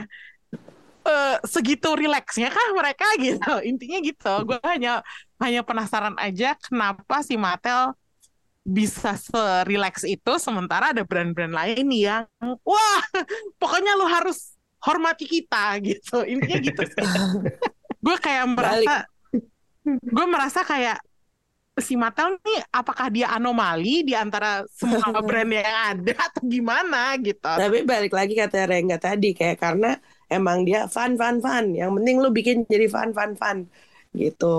Dan kalau Hmm. kalau yang lain tuh memang guideline-nya ada di situ karena mereka tuh harus ngeprotek siapa yang nonton, siapa yang enjoy gitu. Jadi tidak Hmm. tidak apa namanya menyeleweng dari eh, norma-norma yang ada di eh, apa namanya agama lain, eh, negara lain gitu. Jadi kayak Hmm. yang penting fun gitu. Pokoknya nomor satu fun dulu ya gitu. Yuk kita nonton yang absurd absurd fun kan? Baiklah, Lebih fun ngobrolin ya kayaknya. iya. baiklah nih eh, kita ngobrol eh, kali ini panjang juga ya. Jadi eh, untuk meringkas, gue pengen langsung ke konklusinya. Em, film ini tuh sering dibawa-bawa urusan gender gitu ya. Apalagi waktu itu kemarin sebelum filmnya tayang di sosmed udah ada yang ngobrolin tentang cewek, cowok, uh, pria, wanita Hmm. nonton film ini tuh gimana gitu. Kalau gue tuh nggak mau banget untuk mengaitkan film ini Iya. dengan gender apa pun, karena pada Iya. akhirnya ya itu dia, gue lebih simpati sama Ken sebagai karakter dibandingin Barbie. Dan bahkan karakter yang paling menarik buat gue adalah si Ellen yang kayaknya udah capek aja sama semua. Jadi intinya gue nggak pengen mengaitkan film ini dengan gender, eh, feminisme atau maskulinitas, whatever gitu. Gue lebih pengen bilang bahwa film ini adalah tentang individualisme. Gimana makna sebuah mainan itu bisa berubah tergantung siapa yang mainin dan suasana hati si pemainnya. Seperti yang Krisna bilang tadi di awal, ya kan? Itulah kenapa menurut gue Barbie yang tadinya seorang boneka stereotipikal dan hanya tahu suatu gaya hidup tertentu bisa tiba-tiba berubah. Hmm, dan akhirnya dia bisa melalui perjalanan karakter building dan merangkul perubahan itu. Itu pesan inti dari film Barbie ini yang pengen disampaikan oleh filmmakernya sepertinya gitu. Kalau bagi lo sendiri, apa pesan utama yang lo tangkap dari film ini?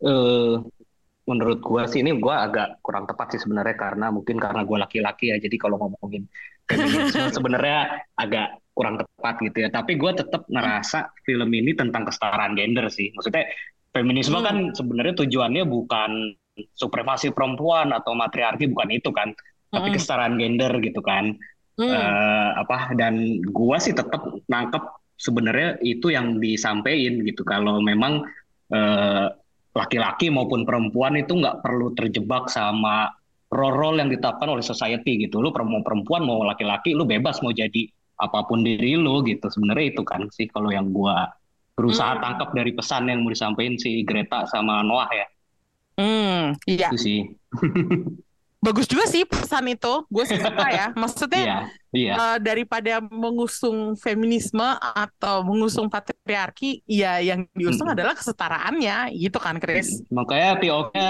berusaha lebih ini kan dari berbagai sudut gitu kan Hmm, Jadi ya intinya memang kesetaraan gender dan ya lu bebas mau jadi apa pun yang lu mau gitu, nggak usah terjebak gitu kan hmm. dengan role yang ditetapkan masyarakat berdasarkan gender lu.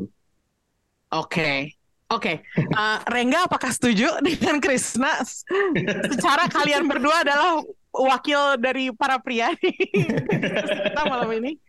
Eh, apa ya? Film ini sebenarnya multitafsir ya. Oh ya, multitafsir betul. Sangat sangat multitafsir tergantung tergantung Interpretasinya bisa beda-beda ya. Betul. dan dan dan apa namanya? Menurut gua ketika gua habis nonton film ini dan ngebahas sama Bunga, film ini sebenarnya apa ya? All over the place sih, kayak semua apa banyak banget yang mau disampaikan tapi nggak ada satu satu apa ya? Satu pesan definitif yang ini loh gitu. Enggak, tapi kayak semuanya Hmm. tuh disinggung. Mulai Hmm. dari feminisme, matriarki, patriarki, apa tadi eh, krisis identitas kayak semuanya dijembreng di situ. Hmm. Jadi kayak yang nonton terserah lu mau pilih yang mana nih yang menurut lu oke buat lu gitu. Hmm. Hmm. Hmm, tapi yang Tapi lo pilih sendiri, sendiri. Nah, gua dari yang gua tangkap sih sebenarnya ini kayak eh jadi diri lu sendiri aja. ah, be yourself. Ya. Be yourself Yes. aja gitu. Akhirnya soalnya kayak endingnya sebenarnya deh yang eh, apa nah, karakter development yang paling paling paling berkembang di film ini justru kan jadi si Ken kan. Iya, betul. Dari Iya. dari dari awal dia kayak gua nggak ada apa-apanya kalau gua nggak ada Barbie gitu. Iya. Apalah gua gitu. Sampai Hmm. akhirnya dia disebut apa ya udah lu jadi Ken aja. Makanya I am Ken enough gitu kan. Terus si Ya, betul. si si si Gloria juga akhirnya yang selama ini tertekan gue gue pengen mati gini gini gini gini sampai ketemu ketemu Barbie akhirnya kayak ya udah gue jadi gue aja nih gue bisa begini begini begini gitu si Barbie Hmm. juga akhirnya dia jadi dirinya sendiri pergi ke ginekolog yang mana gue ngerti maksudnya apa ya dia dia ini apa eh, mempelajari dirinya yang baru gitu loh. oh oke make sense gitu. Iya. jadi Itu kan hal yang kayak- baru kan tiba-tiba dia punya organ manusia gitu dan dia yang pertama dia pelajari ya ke perempuanannya lah gitu. Oh ya Hmm. kayak aku ingin menjadi perempuan yang sepenuhnya Hmm. gitu Ya apa itu gitu. Iya, bisa jadi sih.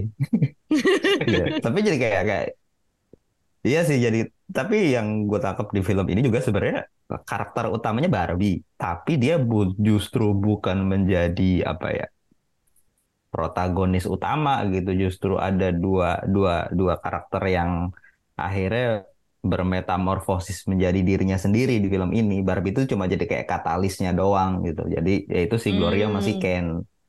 Ya, Ya. setuju sih, Ya. setuju. Nih sampai sejauh ini menurut gue interpretasi kita nggak ada salah ya. Maksudnya yang Rengga bilang tadi ini film multitafsir ya. Jadi lo bisa menerjemahkan apa aja gitu dan pesan yang lo pilih bisa apa aja gitu. Oke, sekarang Priska pesan apa yang lo pilih untuk tangkap dari film ini? Bahwa kita semua kenaf. Ya, Lu Kita mau jadi kenaf ya. Lo mau jadi jurnalis, lo mau jadi orang agensi, lo mau jadi eh, pengusaha, lo mau jadi dokter, lo mau jadi eh, presiden, semua itu kita adalah kenaf. ya lo bisa bahkan tidak go menjadi apa pun kenaf ya. Iya, jadi lo bisa go through uh, masa-masa yang bikin lo terpuruk, tapi in the end, you are enough. Iya betul sih, betul ya. Ini dua pesan eh, apa eh, Rengga dan Priska itu agak berhubungan ya, yaitu eh, be yourself and you are enough. Gitu. Enough. Gitu. Jadi mungkin yang harus kita tangkap adalah the energy of it all. Ini bener nih kata Rengga bahwa protagonisnya sebenarnya Ken gitu. Tapi karena ini film Barbie, jadi Barbie ada tokoh utamanya gitu. Jadi Betul. sebenarnya ini film kalau dikasih judul Ken dan Barbie itu tuh masih masih masuk Nggak sih. apa-apa, iya. gua. Iya. Apa? Oke, eh, itu tadi ya pesan-pesan yang kita tangkap dari film Barbie. Kalau lo punya pesan yang berbeda dari yang lo tangkap itu berbeda dari pesan-pesan kita, itu sah-sah aja. Karena gue ulang lagi kata Rengga, ini film multitafsir. Apa yang lo tangkap itu terserah lo, karena be yourself dan you are enough gitu. You are enough.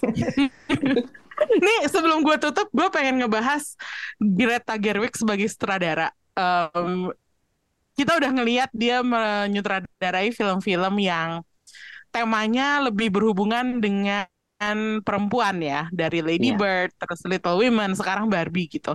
Meskipun di Barbie ini lebih apa ya, lebih imbang. Oke, sebelum kita tutup bahasan Barbie ini, gue pengen nanyain tentang Greta Gerwig sebagai sutradara. Eh, kita tahu ya sebelumnya dia udah punya nama lewat Lady Bird dan eh, Little Women, tapi sekarang nih pertama kalinya dia mendapat summer blockbuster Barbie.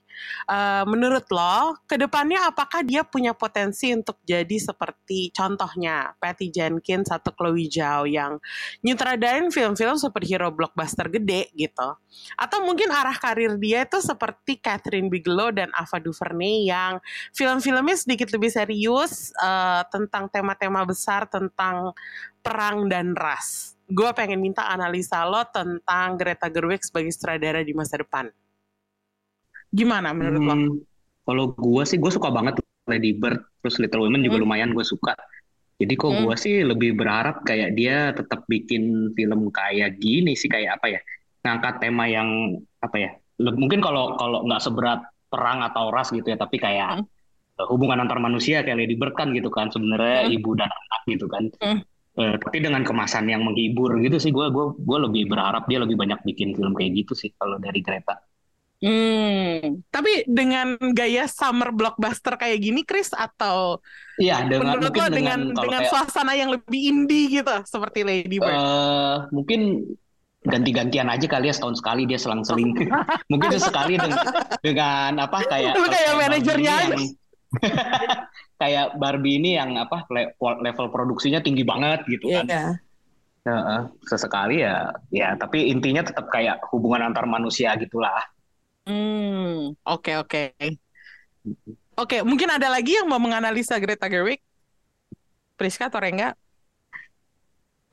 Hmm, apa ya? Jangan terima tawaran Marvel sih. Ya, Kalaupun ditawarin. Kalau di DC, kalau DC boleh nggak? Nggak usah. Usah, jangan. Hmm, Nggak tahu sih. Nggak usah jangan ya. Nggak usah sih, jangan sih. Jangan sih.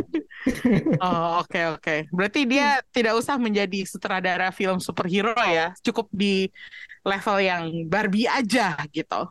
Iya. super superhero sebenarnya nggak apa-apa. Cuman kalau misalnya apa ya, a new kind of hero yang ya gitu menggunakan eh, apa hubungan antar manusia eh, apa sih ya anyone can be a superhero juga kan gitu.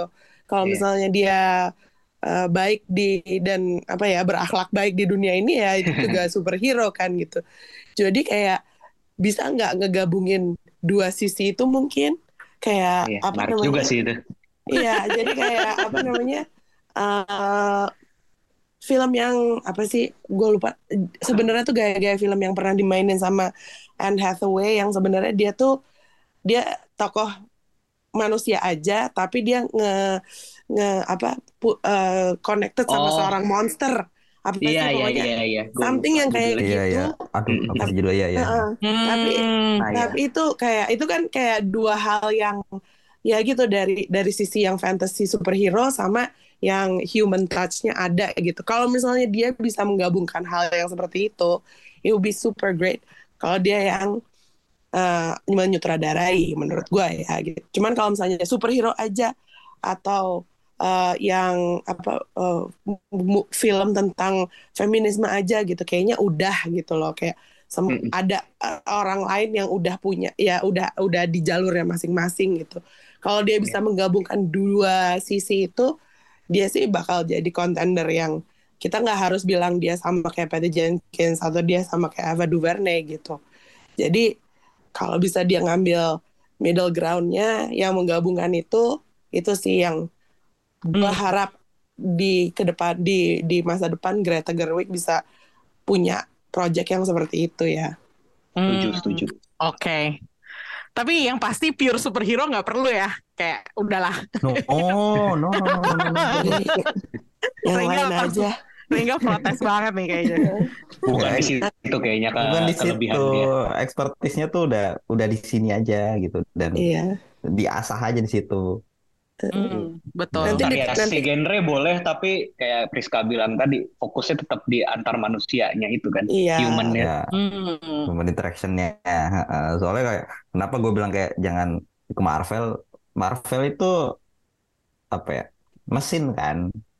Betul. Iya. Hmm. Ketika lu udah masuk situ kayak lu bak- bakal diperlakukan seperti ya seperti mesin gitu. Lu nggak ada bedanya Iya. dengan baut-baut yang lain gitu. Iya, Visi visinya dia nggak akan keluar gitu ya. betul. Betul, udah ada beberapa kayak Chloe Zhao gitu kan sayang gitu masuk ke habis bikin Eternals dia kayak hilang aja gitu kan. Hmm. Ada. Jadi kayak ya sayang aja jangan deh gitu lihat cari cari Iya cari, betul, cari betul. sutradara lain lah gitu yang mungkin Ya. bisa masukin ke situ. Oke, berarti tidak perlu mengulang kejayaan Patty Jenkins sekalipun ya. Karena kan itu studionya beda lagi. Ya, Oke, nih sekarang eh, karena udah kepanjangan, gue closing aja. Em, kita kasih bintang 1 sampai 5. Berapa nilainya? Gua berapa ya? Tiga setengah deh gua. Tiga setengah. Oke. Iya. Rengga? Gua gua awal ketika apa ya? Ketika gue sebelum memulai podcast ini gua memutuskan kayak kayak tiga setengah cukup gitu. Hmm. Tapi setelah gue gua ngobrol kayak empat bisa sih gitu. Soalnya Oh, film ini bakal diskursnya bakal panjang sih. Dapat Oh, perspektif baru ya. ya. Iya, Iya, ini bakal iya. dibahas bertahun-tahun kemudian gitu. Iya sih. kayak Iya. Kalau ada film-film apa perspektif kayak baru dari Iya. film ini. ah, kayak coba Barbie deh. Oh iya bener juga. Lalu kayak gitu. Oke. sih, gue juga menangkap lebih banyak hal setelah podcast ini. Iya. Tapi eh, nilai lo nggak berubah, Chris? Tetap tiga setengah. Eh, tiga setengah sih tetap. Oke. Krisna tiga setengah, Rengga empat bintang, Priska berapa? Eh, aku empat sih, udah langsung. Hmm, empat bintang ya. Iya. Kalau kalau gue merasa empat itu adalah nilai yang pas ya. Karena dari tadi setelah gue ngobrol bareng kalian, gue lebih jadi lebih paham sebenarnya tentang Barbie nih gitu. Maksudnya Hmm. dari sudut pandang yang berbeda, akhirnya gue melengkapi pengetahuan gue tentang di dalamnya. Tapi gue udah nggak merasa linglung lagi kayak kemarin gue baru keluar dari bioskop. Akhirnya gue merasa ini tau pesan-pesan yang bisa gue tangkap dari film ini dari film ini yang bisa gue jadikan apa ya pelajaran buat gue sendiri gitu jadi ya yang tepat buat film ini menurut gue tapi Krisna tiga setengah, it's okay. Eh, kita tentukan berdasarkan voting aja ya. Jadi banyakkan empat, tapi nilainya empat bintang gitu. Dia gue review Showbox buat Barbie. Film ini masih tayang di bioskop dan kayaknya bakal awet ya. Em, kalau nonton film ini jangan lupa pakai dress code pink. Gue pakai baju pink waktu nonton sesuai tema. Meskipun baju gue bentuknya kayak daster, tapi tetap pink. Dijamin nonton Barbie pakai baju pink bakalan lebih seru gitu. Thanks for listening. Bye Barbie, bye Ken, bye Showbox. See you.